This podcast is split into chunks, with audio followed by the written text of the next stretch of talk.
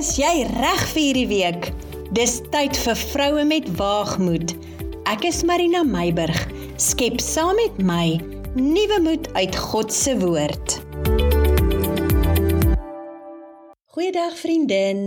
Ek groet jou vanoggend vir die laaste keer hierdie jaar.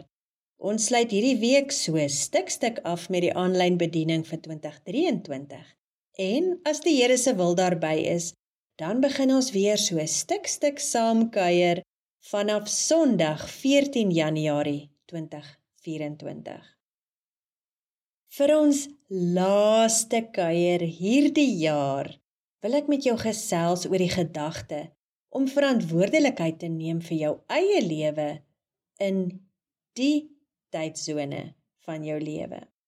Soos wat ons reflekteer op die verlede, let wel, nie lewe daarin nie, maar slegs reflekteer daarop en dan ook drome en ideale wat ons koester vir die toekoms. Leef ons eintlik net in hierdie spesifieke tydsone. Daar is nie meer tyd in die verlede nie. Dis reeds verby of dan dood. Daar is nog nie tyd in die toekoms nie. Dis slegs 'n droom net nou. Hierdie spesifieke tydsone is lewendig, is aktief en jy kan net hierdie tydsone impakteer terwyl dit ook jou impakteer. Daarom vriendin is dit noodsaaklik dat jy eienaarskap sal neem vir jou lewe en intentionele besluite neem om jou toekoms eerder te bevorder en te bevoordeel.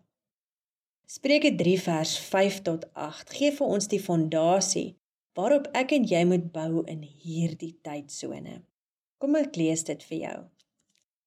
Vertrou op die Here met jou hele hart en steun nie op jou eie insig nie. Ken hom in al jou weë, dan sal hy jou paaie gelyk maak. Wees nie wys in jou eie oë nie. Vrees die Here en wyk af van die kwaad. Dit sal genesing wees vir jou liggaam en verkwikking vir jou gebeente. Kom ek en jy lees gou die instruksies om die waarheid van die skrif so bietjie op te breek in kleiner happies sodat ons dit makliker kan verorber. Christendom is mos prakties sê ek altyd. Kleiner happies eet makliker. Kom ons breek dit op in 6 dele. Die eerste een: Vertrou op die Here met jou hele hart. Dit is mos iets waaraan ek en jy kan werk. Nommer 2: Steun nie op jou eie insig nie. Daardie ek wil, ek sal, net ek. Ai, as ons dit net kan afleer, nê. Nee. Dan nommer Ken hom in al jou weë, dan is daar 'n belofte. Dan sal hy jou paaie gelyk maak om die Here te ken in al ons weë, in al ons besluite, in al ons keuses om hom daarin te ken. Nommer 4. Wees nie wys in jou eie oë nie. O, hier is ons al weer by hoogmoed en die eie ek. Dit is ook iets wat ek en jy regtig aan kan werk. Nommer 5. Vrees of dan respekteer die Here. Stel die Here bo jou, bo alles, alle mense, alle dinge, jou gedagtes. Stel hom eerste. Respekteer hom in alles wat jy doen. Dit is regtig ietsie wat ons moet oefen sodat dit 'n lewenstyl vir ons kan word. En dan die 6ste ene. Wyk af van die kwaad. En daar het ons die Heilige Gees in ons lewe nodig om ons te rig en ons te lei. Nog iets waaraan ek en jy kan werk. Goed. As ons hierdie 6 dinge in ons lewe toepas, bevestig die woord iets eintlik baie kosbaar.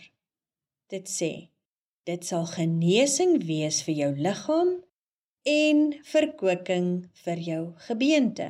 Kortom, sal jy minder stres hê as jy die Here die middelpunt van jou lewe maak en hom in alles en vir alles vertrou. En gevolglik sal dit met jou fisies, emosioneel en geestelik sommer baie beter gaan. Is dit nie waar nie, vriendin? Nou toe. Ons weet nou wat om te doen, maar kom ons kyk gou wat baie keer ons lewensrealiteit is. Het jy jouself al ooit uitgevang dat jy iemand of iets anders blameer vir waar jy jouself tans in jou lewe bevind. Dit is so maklik om terug te kyk op jou lewe en te dink of ja, selfs te sê as dit nie vir die of daardie gebeurtenis was nie. As dit nie vir my ouers was nie. As dit nie vir die manier hoe ek grootgemaak is was nie. Sou my hele lewe soveel anders uitgedraai het. Wat is die verskoning wat jy sê? Die waarheid is egter dat ons absoluut in beheer is oor die keuses en besluite wat ons geneem het in reaksie op al die dinge wat ek genoem het.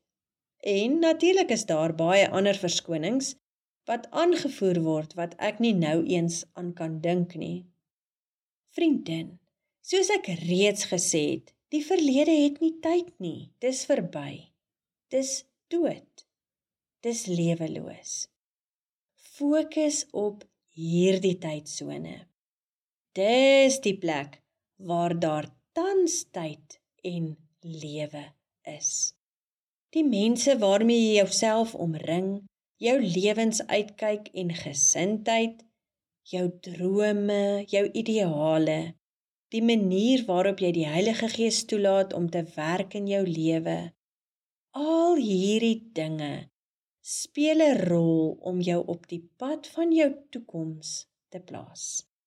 Kom ek en jy evalueer so 'n bietjie die mense rondom ons. Dink 'n bietjie. Wie bring die beste in jou uit? Dit is die mense wat jy graag om jou wil behou in die toekoms. En dan ook, wie is die mense wat die sleg in jou uitbring? Dit is hulle van wie jy moet gradieer. Luister mooi na my woordgebruik. Ek sê nie jy moet mense emosioneel beseer en verwerp nie. Ek gebruik spesifiek die woord gradieer. Gradieer van hulle. Maak die boek toe. Laat dit agter. Beweeg aan. Dis tyd om jou perspektief aan te pas en dan ook intentionele besluite te neem wat in lyn is met God se woord. Jou gawes en jou talente en uiteindelik jou drome en ideale in lyn kry met sy plan en sy doel vir jou lewe.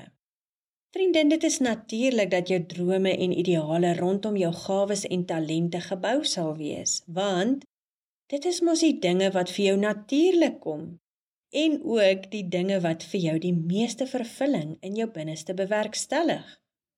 Dan belangrikste van alles is dat indien jy dit nog nie gedoen het nie, jy die Heilige Gees sal uitnooi om 'n prominente deel van jou lewe te vul, sodat jy in vennootskap met Heilige Gees meer en meer kan transformeer volgens die voorskrifte in God se woord wat ons aan die begin van vandag se kuiertjie gelys het.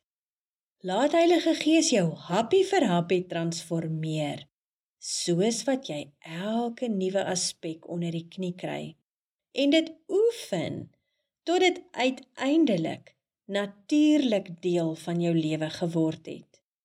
Dis mos hoe Christendom in praktyk werk.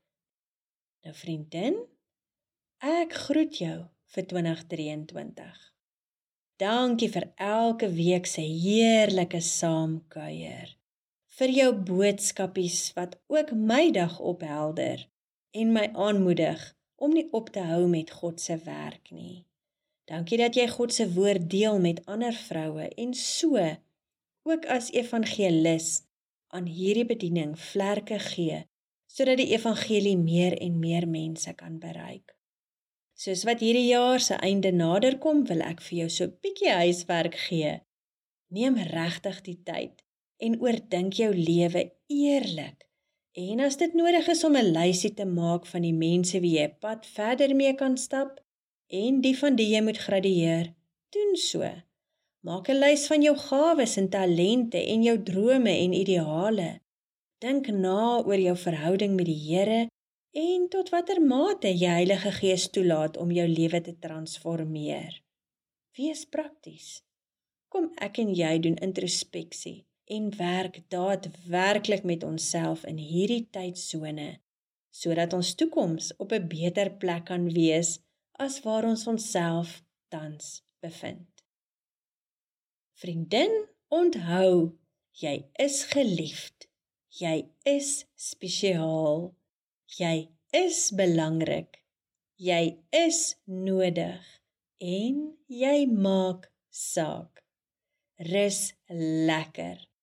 Ons kuier weer 15 Januarie 2024 saam as die Here se wil daarby is. Totsiens vriendin.